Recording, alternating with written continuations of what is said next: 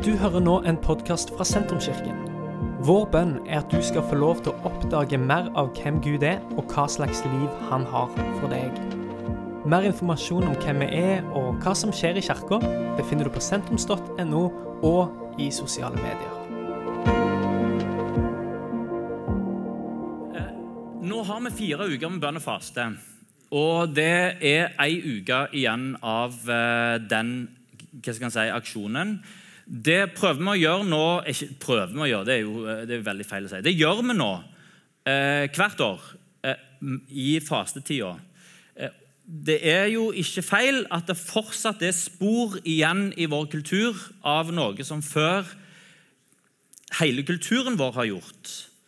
Eh, så det å bruke mars måned i tida fram mot påsken til å bremse litt opp og til å eh, kanskje sette litt ekstra fokus på noen åndelige disipliner, bønn og faste, eh, så, og kanskje få seg noen nye vaner, eh, det er bra for oss. Faste er en ting som er godt enten for oss å gjøre enten en er troende eller ikke. Eh, og mange praktiserer faktisk det uavhengig av om en tror. Uh, I dag så har jeg lyst å eh, snakke ut ifra det som står nederst her, sakte.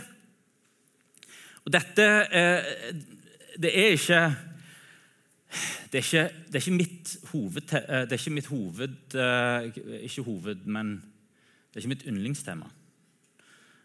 For jo, Noen vil si at Per du er en sakte person. Eh, det kan godt tenkes. Men min selvforståelse er at jeg er en eh, rastløs person som ønsker at noe skal skje hele tida. Eh, noen tror, fordi at de har sett meg med ei bok, at jeg er sånn som, som, som sitter nær med bok hele tida. Og det er sant. Men det er fordi jeg lurer meg sjøl. Eh, når en leser en bok, så får du en opplevelse av at noe skjer. Eh, så, det er på en måte en aktivitet egentlig mer enn å bare være i ro. Og så tror ikke jeg at jeg er den eneste som er rastløse, og som vil at ting skal skje hele tida. Jeg tror det gjelder vår tid, og jeg tror her er det flere enn meg som trenger en detox. Og Jeg har lyst til å begynne med en bokanbefaling.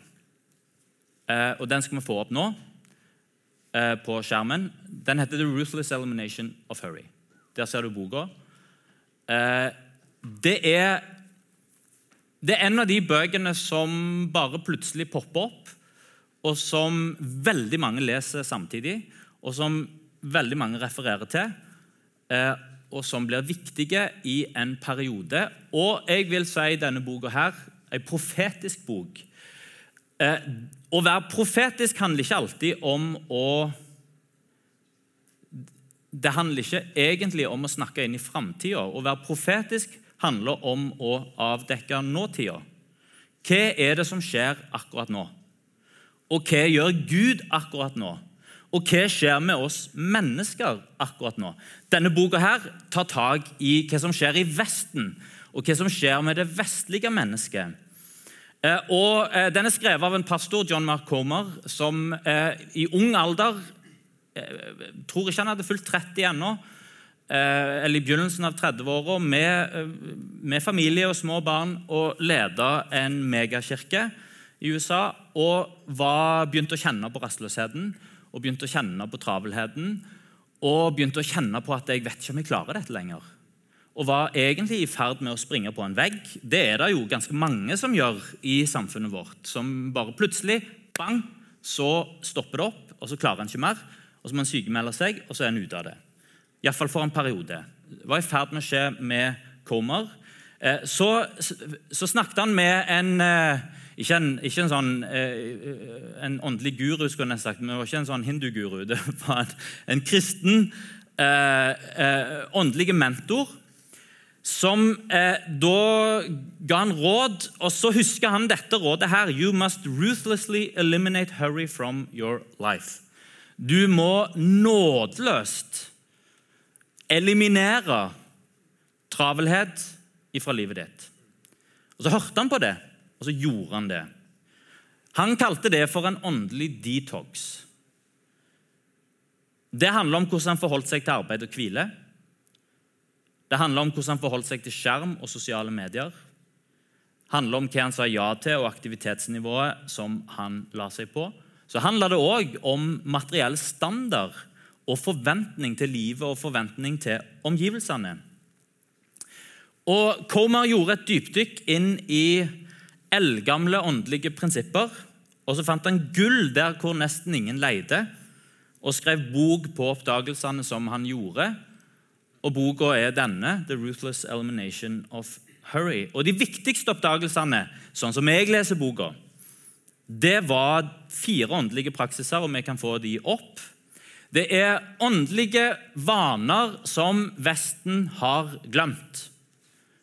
Stillhet Eller på, eh, på engelsk kan du også si sa, eh, 'solitude'. Eh, på, på, norsk så oversetter en det til solitid. Eller solotid. Det er ikke ensomhet. Det er ikke å være alene. Det er ikke alenetid. Det er det er faktisk ikke et godt ord for det. Solitude. Det er stillhet, det er solotid, det er, det er ikke stress. Det er eh, Altså, solitude Da er du ikke ensomme. Da er du Der er harmoni i ordet solitude. Det er en tilstedeværelse, det er helt korrekt. Og så er du òg der fysisk stille. De andre stemmene i hodet de dempes.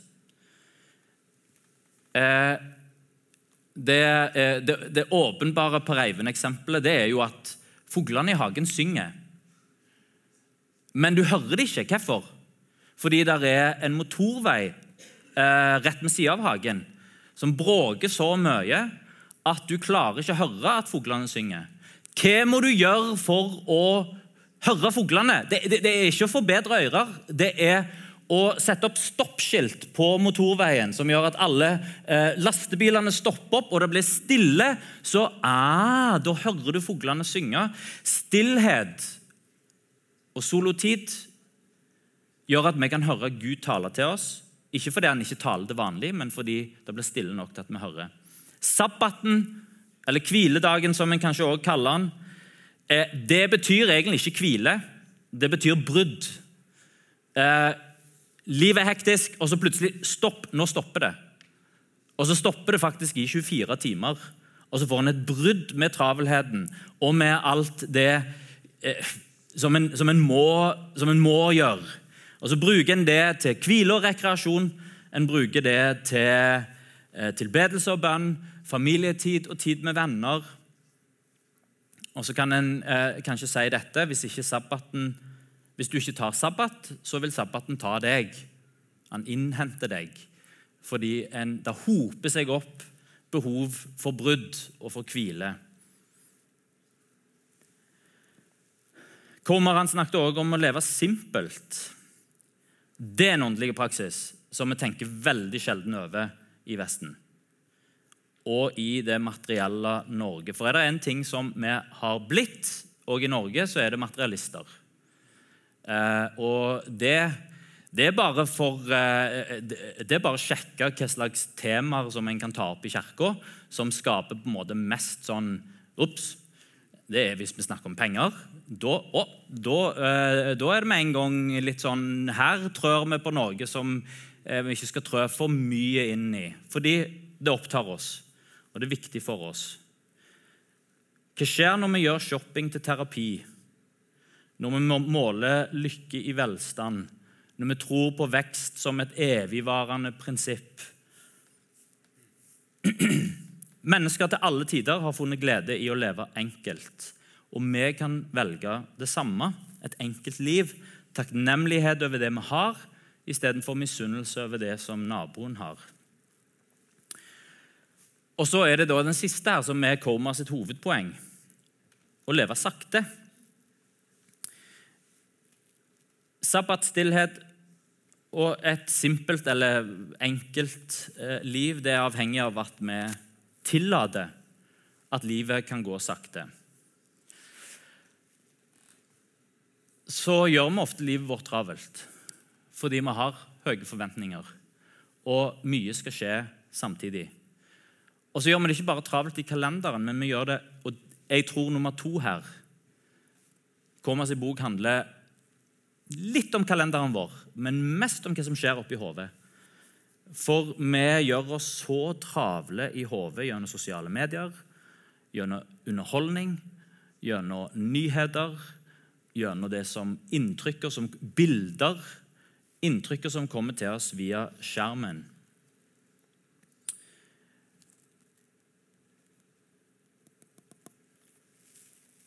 Vi kan få en åndelig detox. Min venn Truls Åkerlund han skrev nesten samtidig med eh, den, sin amerikanske kollega eh, en bok som har tittelen 'Men vi var ikke hjemme', eh, som handler om tilstedeværelse.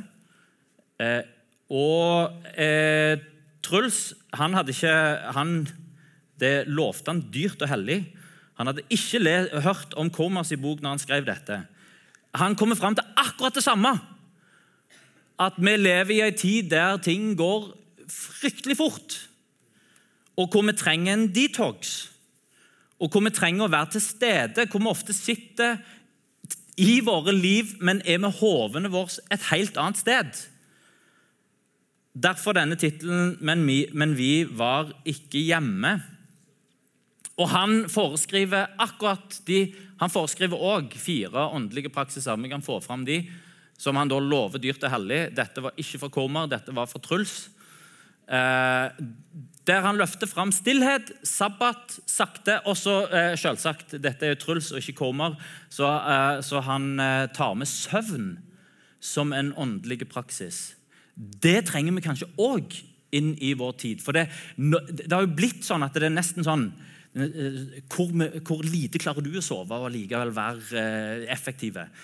Netflix sier nå, nå, nå er vår hovedkonkurrent det er søvn. Så nå skal vi konkurrere mot søvnen for å få enda mer av tida. Eh, eh, og, og, og, hvis en blir tatt på senga noen ganger med telefonen, så eh, Det har aldri skjedd med meg. Eh, jo, det har skjedd med meg flere ganger. Hva gjør en da for noe? Jo, da, da Hei! eh, og så later en som om at en nå jeg har vært oppe i lang tid. Hvorfor dette? Jo, fordi det er noe litt sånn flaut med søvnen. Men eh, Gud har skapt oss til mennesker som trenger åtte timers søvn. Og kanskje noen trenger ni timers søvn. Det er noen som klarer seg med syv. Det er eh, kanskje noen som klarer seg med seks òg, men jeg, eh, jeg vet ikke. Kroppen vår trenger søvn. Og det er noe fint med å kunne legge seg på kvelden og si nå får ikke jeg gjort mer. Der er tro i søvn. Eh, nå legger jeg meg til å sove, og så legger jeg resten i Guds hender. Eh, det er ikke bare tøys, dette med å sove på det. Eh, vi har hatt eh, både sabbat og stillhet som, eh, som eh, tema i kirka. og det kommer til å komme igjen fordi vi trenger det. Eh, eh, men nå er det altså da eh, tid for å snakke om å leve litt sakte. Til, til, til deg som unge når, vi, en snakker om faren ved å kjøre på for hardt og faren ved å bli utbrente Det er mange unge folk som sier en er sliten. og, og det er noen ganger litt rart, fordi en har nesten ingenting ansvar. Eh, det er ikke veldig mye som skjer, og allikevel så blir han sliten. Eh, da kan det hende at en ikke skal tenke at jeg må gjøre enda mindre for å så hvile enda mer. For hvis skjermtida, eh, og, det gjelder skjermtid både på telefon og med Netflix og serier og underholdning hvis skjermtida er høy, så er det ikke nødvendigvis det at vi har så veldig mye å gjøre som gjør oss sliten, men alle inntrykkene som en får via skjermen døgnet rundt, og en er nest, og pålogga nesten hele tida. Der, der, er jo eh, unge folk som våkner opp midt på natta for å sjekke telefonen. Eh, det forteller om en påloggethet som ikke er, den er ikke sunn. Og den gjør en stressa i hodet. Eh, så det beste en kan gjøre hvis du er under 25 år og du er sliten, se på skjermtida di. Og, og, Nå skal ikke jeg foreskrive eh, hver sånn eh, gammel mann som sier at skjermtid over eh, så og så mye, da er det faresignal. For sannsynligvis så sier jeg faresignal eh, altfor lågt. Eh, men sannsynligvis har jeg rett. Så, så få ned skjermtida di. Så se om du fortsatt er sliten. Hver gang det er et lite sånn hull på bussen eller på et venterom eller hjemme, ikke grip til telefonen. Men sitt og vær til stede i ditt eget liv. Kanskje det kan roe ned hodet, og kanskje du kan bli litt mindre sliten. Nå skal vi hoppe inn i teksten. Det blir en lang tekst. Eh, og Den er fra Forkynnerens bok. Vi skal ta for oss hele Forkynnerens bok. Jeg kunne egentlig bare lest opp hele Forkynnerens bok og så gått hjem og så, eh, og så sagt 'tenk på dette'. Eh, forkynneren 1.2. Der står dette 'forgjeves', sier forkynneren. Forgjeves og forgjengelig. Alt er forgjeves. Det blir en sånn tale i dag. Og eh, Dette ordet 'forgjeves' det blir brukt i Forkynnerens bok igjen og igjen og igjen. Og igjen. Og Noen steder i den nye oversettelsen så er det 'forgjeves'. Eh, I andre oversettelser så blir det oversatt med tomhet. Og det blir eh, Jeg tror det blir oversatt med andre eh, lignende dystopiske ord. Forgjeves, forgjeves og forgjengelig. Det hebraiske ordet hebel, og hebel betyr røyk. Den ser på en måte, den ser ut som noe greier. Du ser den, du prøver å gripe etter den, men, men, du får ikke tak på den. Og den er tomme, innholdsløse og ikke noe å jage etter. Eh, og da, eh, For å spare litt tid, for at jeg ikke skal legge ut hele Forkynnerens bok på lang tid, så skal vi få litt hjelp av Bible Project, som da eh, pakker ut litt av Forkynnerens bok over fire minutter på en video nå virkelighetsorientering. Du ser det tydeligst i åpnings- og avslutningsdiktene. De fokuserer først på tiden, og så på døden. Forkynneren sier du kan bruke hele livet ditt på å jobbe og oppnå ting fordi du tror du gjør livet meningsfullt, men du burde egentlig stoppe opp og reflektere over tidens gang. Tross all den menneskelige innsatsen i verden endrer egentlig ingenting seg. Jo da, vi utvikler teknologi og bygger nasjoner som reiser seg og så faller, men klatre opp på et fjell og se om det bryr seg. Det var der lenge før noen av oss, og kommer til å være der lenge etter. Altså, ingen kommer til å huske deg eller noe av det du gjorde om hundre år, men det fjellet, det kommer fortsatt til å være der. Og havbølgene kommer fortsatt til å slå mot stranda, og sola vil fortsatt stå opp og gå ned så tida vil til slutt stryke ut deg og meg og alt vi bryr oss om. Og hvis det ikke er nedslående nok, kan forkynneren heller ikke stoppe å snakke om døden i hele boka, men spesielt i diktet mot slutten. Han sier at døden er den store utjevneren, og den gjør de fleste hverdagslige aktivitetene våre meningsløse. Den sluker både den vise og den dumme, den rike og den fattige. Samme hvem du er og hva du har gjort, godt eller dårlig, så vil alle dø, og det er uunngåelig. Så med disse to tankene i hodet begynner forkynneren å reflektere over alle aktivitetene og de falske håpene vi investerer livene våre i for å finne mening og hensikt, sånn som rikdom eller karriere eller sosial status eller nytelse. Så du tror det å jobbe hardt vil gjøre livet verdt det? Tenk på stresset og effekten alt det har på deg, all bekymringen og de søvnløse nettene. Og når du endelig har skaffa deg litt rikdom, kommer du til å være for gammel til å kunne nyte det uansett. Og så, når du må gi det videre til noen andre, kan det hende at de som får det, ikke bryr seg om noe av det du gjorde. Eller kanskje du tenker at nytelse kommer til å gjøre livet verdt det for deg. Kjør på, lev for feriene, lev for festingen i helgene, mandagen kommer alltid. Hebel, hebel, alt er fullstendig hebel. Så hva anbefaler forkynneren da, at vi blir hedonister eller relativister?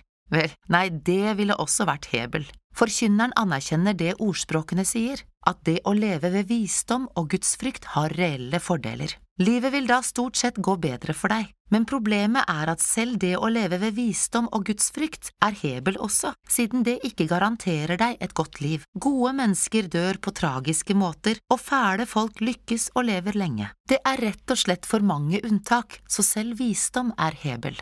Og igjen, ikke forgjeves, men en gåte. Visdom funker ikke sånn du tror den skal hver gang, så hva er veien videre midt i all denne hebelen? Her, paradoksalt nok, oppdager forkynneren nøkkelen til å virkelig nyte livet under sola. Det er å godta Hebel. Det er å godta at alt i livet ditt er fullstendig utenfor din kontroll. Forkynneren snakker om gaven fra Gud omtrent seks ganger på noen av de dystreste stedene i monologen sin. Og den gaven er det å nyte de enkle, gode tingene i livet, som vennskap eller familie, et godt måltid eller en solskinnsdag.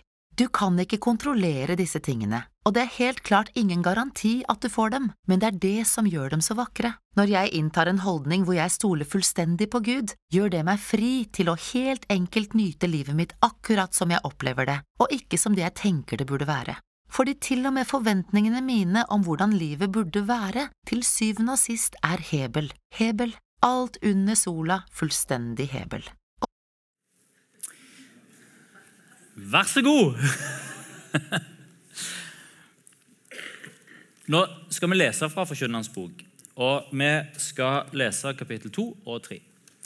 Jeg sa i mitt hjerte, gå nå og prøv gleden og nyt det som er godt, men òg det var forgjengelig, Hebel.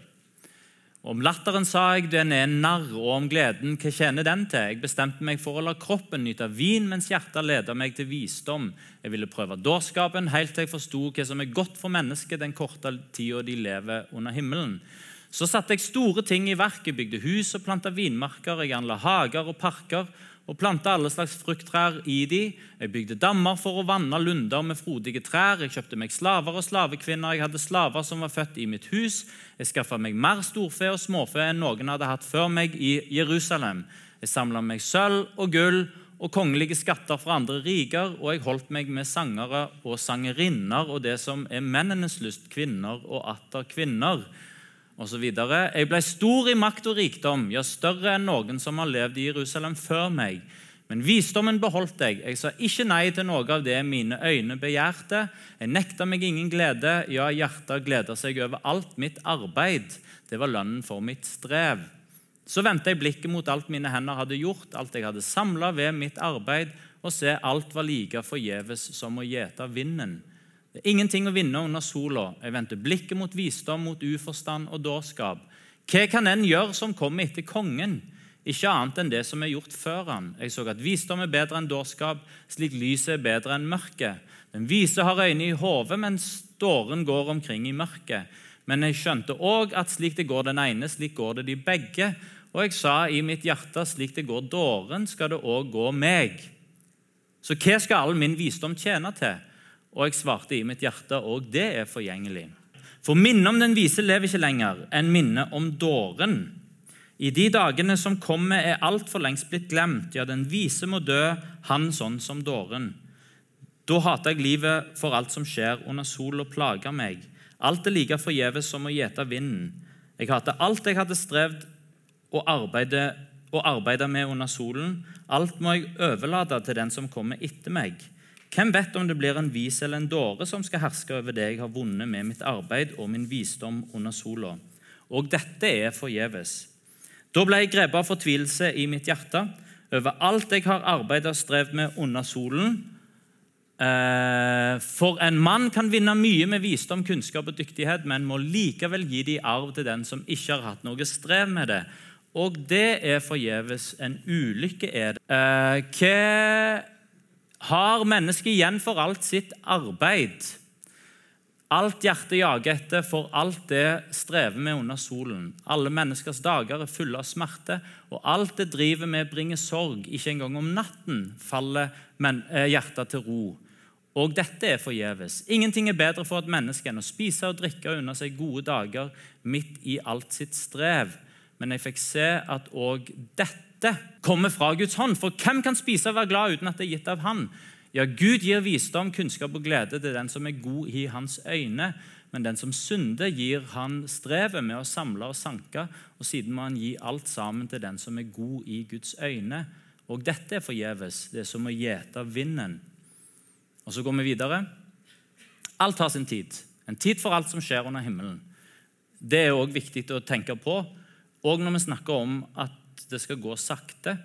For, for, noen som lytter her, så er livsfasen sånn at det er nesten umulig at det går sakte. Med eh, små racere som raser rundt hjemme. Og det er umulig å få seg den søvnen eh, en trenger. Så alt har sin tid under solen.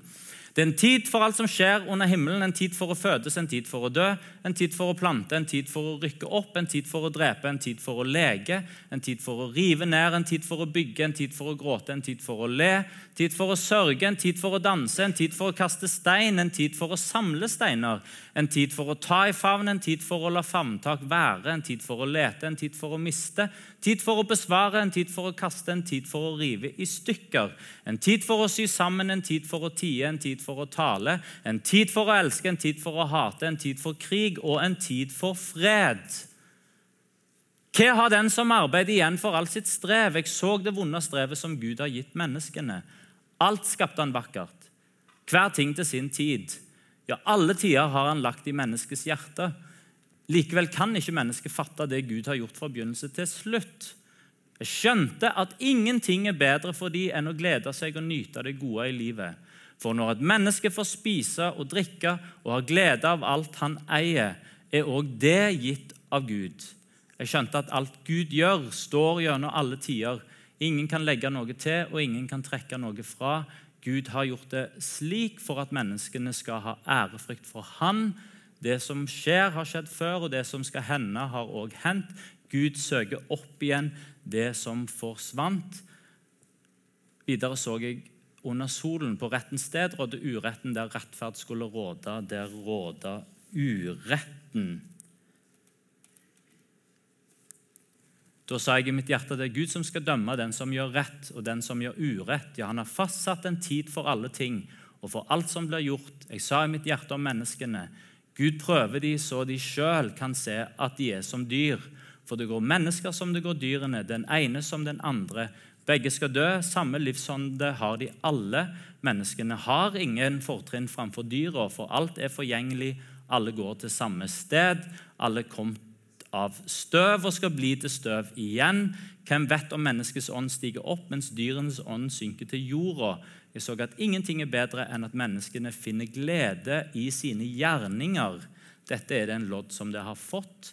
For hvem lar mennesket se det som siden skal komme. Her oppmuntrer forkynneren oss. Faktisk, i alt dette, så oppmuntrer forkynneren oss til å finne glede og mening i det enkle.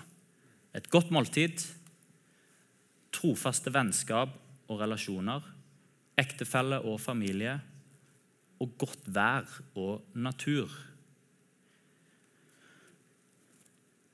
Forkynneren oppmuntrer oss til å gjøre som Truls Åkerlund vil vi skal gjøre. Være hjemme og til stede i livet. Eh, og tilstedeværelse, det krever lavt tempo. For å være til stede så trenger vi å senke tempoet. Vi kan få neste slide. La det gå saktere. Og det er når livet går sakte, at vi får Det er da vi får med oss disse øyeblikkene. Hvis livet går fort, og vi er travel i hodet og travel i kalenderen, så hopper vi over måltidet. Vi glemmer av de ungene som er hjemme. Nei, Vi glemmer ikke av dem, men vi glemmer kanskje å være til stede i livet deres, lytte til dem. Vi glemmer av å ta ektefellen for gitt. Vi tar vennskapet vårt for gitt. Vi har ikke tid til å ta turen ut på terrasse Det var det en sørlending som sa til meg. Forskjellen på en sørlending og en rogalending det er at når sola skinner på Sørlandet, og det gjør han jo oftere enn her i Rogaland, så er, da, ser sør, eh, da ser du sørlendingen ute på plattingen sin i sola. Eh, og griller. Eh, mens rogalendingen, når det er fint vær, så ser du rogalendingen med med, med eh, for, tilhenger på vei til, til Coop Bygg for å kjøpe nye terrassebord til terrassen sin. Der har du forskjellen på sørlendinger og rogalendinger, mente han som kommer fra Sørlandet og som bor i Rogaland. Når vi har det travelt, så har vi ikke tid til å sette oss ned på terrassen og nyte sola. Eller ta den runden rundt Stokki. Eller gå den turen gjennom Sandparken.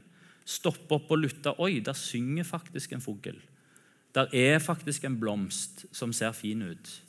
Disse tingene her gir glede og mening. Da må vi være til stede, og det krever lavt tempo. Hva er det som øker tempoet vårt?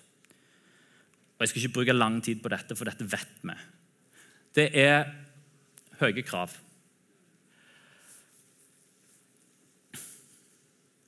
Jeg er litt bekymra for uh, den oppvoksende generasjonen. Når en gifter seg, og det første huset som en skal inn i, er nødt for å ha den standarden, og den første bilen en kjøper, den er òg nødt for å ha den standarden. Og hvis en skal på en ferie så altså, det er, uh, det er Eh, alt var jo alltid mye bedre før. Eh, og det, eh, Sånn er det jo iallfall når en sjøl har blitt gammel. når en dro på skoletur i gamle dager, så var det greit å ligge på et liggeunderlag og i en sovepose, men i større og større grad så skal det helst være et hotellrom. Og standarden øker, standarden øker. Hva gjør dette med oss når vi har veldig høye materielle krav til hvordan omgivelsene våre skal være? En må jo skaffe de tingene og det er tidkrevende å skaffe de tingene. Og en tar på seg store byrder i valg av hus, bil, eh, klær Ting som en, en, en både føler en trenger, og som en ønsker å flashe. Trenger du den nyeste telefonen? Trenger du de nyeste duppedittene? Trenger du de dyreste tingene? Mye status koster penger.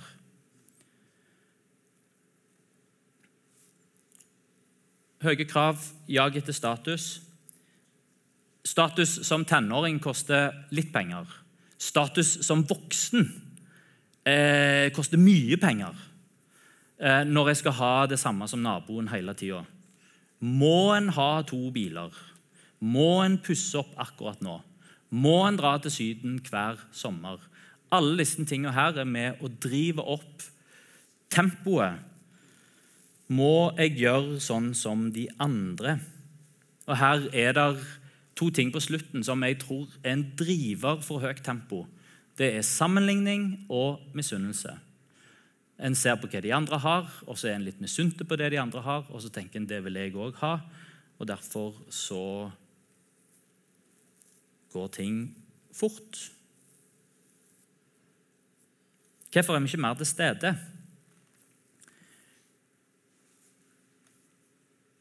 Multitaske, gjør mange ting samtidig. Kjenner du det igjen fra jobben? Hva med å sitte på et seminar og skrive mail samtidig? Jeg har tatt meg sjøl i å gjøre det mange ganger. Og så blir mailen dårlig, og en får ingenting ut av seminaret fordi en er ikke til stede i mailen og en er ikke til stede i seminaret. Særlig hvis det i tillegg kommer en tekstmelding omtrent samtidig. som en også må svare på. Da er du plutselig ikke til stede verken i tekstmeldingen, mailen eller seminaret. Eh, en multitasker og føler er kjempeeffektive. Får gjort masse, men en gjør kanskje egentlig ingenting av det en gjør noe særlig bra. Telefonen gjør at vi ikke er til stede. Vi er ofte mer til stede i telefonen vår enn i omgivelsene. Strømmetjenestene, sosiale medier det henger jo sammen. Spill og, og kanskje dagdrømming om framtida. Egentlig så gjør bekymring òg at vi ikke er til stede. Det handler jo om alt det som kanskje kan skje. Og tenk hvis dette skjer, og tenk hvis dette skjer, og tenk, og så, uh, så blir en hode fullt av bekymringer som gjør at en går glipp av det fine været ute, og en går glipp av det gode måltidet, og en går glipp av menneskene som en har rundt seg. Senk tempoet gjennom å senke kravene. Og senk tempoet gjennom å legge bort telefon og skjerm. Og glede seg over det enkle. Eh, i Lukas, nei, i første Mosebok 28, 16 eh, Det får vi opp på skjermen. Der står det om Jakob som våkna av sin søvn. Og så sa han han hadde hatt en drøm eh, der han møtte Gud i drømmen. Og han sa sannelig, Herren er på dette stedet, og jeg visste det ikke. Hvor ofte er ikke det sant om livet vårt? Jeg kan si noe som er sant for ditt hjem. Herren er til stede i ditt hjem. Herren er til stede rundt deres, ditt middagsmåltid og deres families middagsmåltid. Herren er til stede på din arbeidsplass. Herren er til stede i ditt klasserom. Herren er til stede på skoleveien. Herren er til stede i bilen på vei til jobb eller på bussen på vei til jobb. Herren er til stede når du slapper av. Herren er til stede i din hverdag. Og vet du hva? Så ofte så ender vi kanskje opp med å si som Jakob Sannelig, Herren er på dette stedet, men jeg visste det ikke. Fordi jeg var for travelt opptatt med ditt og datt hebel. Så jeg fikk ikke med meg at Herren er til stede. Rett og slett for travel til å se Gud. Når vi senker tempoet, så ser vi Gud. Og Jeg ser at jeg har brukt opp tida mi, så jeg skal, ikke, eh, jeg skal ikke lese det siste. Men vi kan få det siste eh, bibelverset opp på Ikke det siste, men vi kan få Lukas 10, 25-37 opp på skjermen. Det er fortellingen om den barmhjertige samaritan. Eh, og nå skal en være varsom med å lese andre ting inn i teksten enn det som er tekstens hovedpoeng. Eh, tekstens hovedpoeng med den barmhjertige samaritan eh, den er såpass kjent at jeg tror de fleste kjenner historien. tekstens hovedpoeng er at vi skal ikke sjalte og valte med hvem vi hjelper. Eh, når det er noen som trenger hjelp, som er i vår nærhet, så skal vi ikke tenke over er dette min venn eller fiende. Er dette en som jeg, skal, som jeg skal hjelpe, eller en som jeg ikke trenger å hjelpe? Når noen trenger hjelp rett foran meg, da hjelper jeg. Det er ikke 'hvem er min neste' som er spørsmålet som er utgangspunktet for, for eh, denne fortellingen. Men Jesus snur på det og sier 'hvem viser seg som en neste'? Altså, Hvem viser nestekjærlighet? mot de menneskene som befinner seg i eh, ens nærhet. Margaret Thatcher, eh, jernstatsministeren fra, eh, fra Storbritannia på 80-tallet, hun hadde jo sin take på den barmhjertige samaritanen. Eh, og sa at det, det, det, som vi ser ut fra denne fortellingen, her, det at den barmhjertige samaritanen hadde penger. Derfor kunne han hjelpe, for han betalte for hotellopphold og betalte for salver og legehjelp og alt mulig. Så den, det, her er det viktig. En trenger å ha overskudd for å kunne hjelpe. Det var Margaret Thatcher sin, sin, eh, sin take, og hun har jo ikke helt feil. Eh, men så er det kanskje en annen ting òg. Det var en prest som gikk forbi, og det var en levitt som gikk forbi. Som ikke stoppte den forslåtte mannen som trengte hjelp, og for å hjelpe den forslåtte mannen som var robba og som trengte hjelp. Hvorfor gikk de forbi? Vet du hva? Jeg tipper at de var veldig fokuserte. De hadde et oppdrag. De var travle. Og Dette har blitt replisert i undersøkelser. Det har blitt gjort med studenter på teologistudenter som alle sammen har fått beskjed nå skal du ha et foredrag i det seminarrommet. Eh, og Det foredraget skal være om den barmhjertige samaritan. Eh, og så sier de til den ene delen av studentene du har god tid.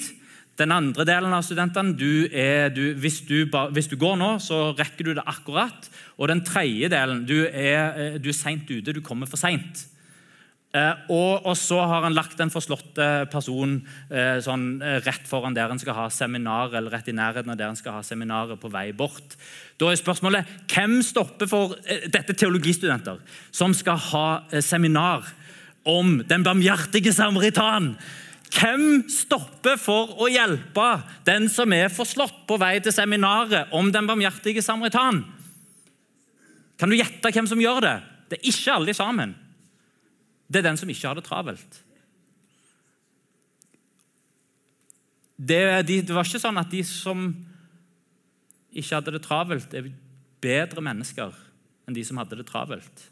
De som hadde det travelt, har òg godhet i seg til å stoppe opp og hjelpe et menneske i nød. En klarer bare ikke å se at det er det jeg skal gjøre nå. Når vi senker tempoet, så kan vi se Gud. Og kanskje like viktig når vi senker tempoet, så kan vi se hverandre. Da ser vi den tenåringen hjemme som har det vanskelig. Da ser vi førsteklassingen som har det utfordrende på skolen. Da ser en ektefellen som går gjennom tøffe ting. Da ser en venner som trenger hjelp. Da ser en naboen som kanskje har det vanskelig. En glemmer så fort av utfordringer andre har fordi en har det travelt både i kalenderen og i hodet. Jesus oppsummerer buda og sier 'elsk Gud og elsk mennesker'. Hvordan kan vi få til det? Det kan vi få til gjennom å senke tempoet i livet. Og Da kan du ta opp den siste sliden. For Forkynnerens bok avsluttes sånn som dette. Dette er summen av alt du har hørt. Frykt Gud og hold Hans bud. Det gjelder for alle mennesker. For Gud skal dømme hver gjerning og holde dom over alt som er skjult, enten det er godt eller ondt. Jesus han oppsummerer Guds bud med å si 'elsk Gud og elsk mennesker'. Hvordan kan vi gjøre det? Gjennom å senke tempoet så kan vi være til stede i vårt eget liv å finne mening i vår gjerning, skriver forkynneren, og ikke springe etter røyk, etter tomhet, etter det som er forgjengelig.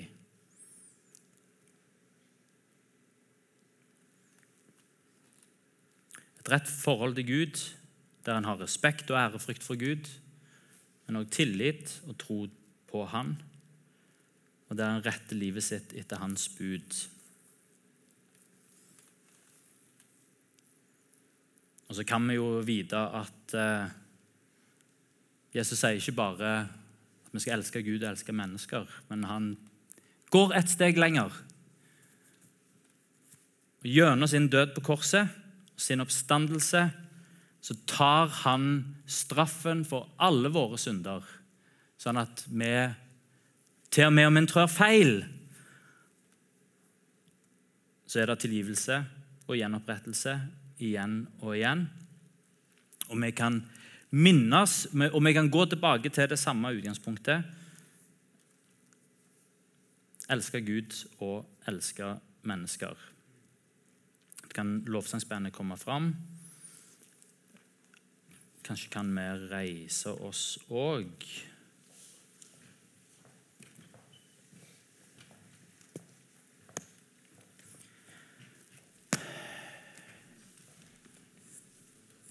Det er ikke sånn veldig lett tale å gi en veldig konkret, sånn veldig åndelig eh, innbydelse. Så det skal jeg ikke gjøre. Eh, men det som jeg har lyst til å spørre oss om å gjøre, det er å Vær så snill, ikke glem dette med en gang du har gått ut av døra. For jeg, jeg er overbevist om at dette treffer oss alle i en eller annen form. Noen mer enn andre. Og vi skal, og vi skal heller ikke springe fordømmende rundt. For det, vi er alle en del av samtida vår. Vi er en del av kulturen. Vi er en del av det som skjer rundt oss. Vi kan ikke bare si Dessverre, samfunn. Jeg hopper av. Eh, jeg eh, flytter til Trodla-Tussdal og driver med selv, selvforsyningsjordbruk og fikser livet mitt der. Dere får dreve på som dere vil. Klart, kan, du kan jo gjøre det òg, og du får helt sikkert et veldig lykkelig liv. Men, men, for de aller, aller, aller flere En er en del av samfunnet, og da må en forholde seg til det som skjer rundt oss. Men hvis vi tar med oss dette, vi tillater at det går sakte, at vi ikke må koble oss på alt som alle andre gjør Vi må ikke følge med på alle andre hele tida.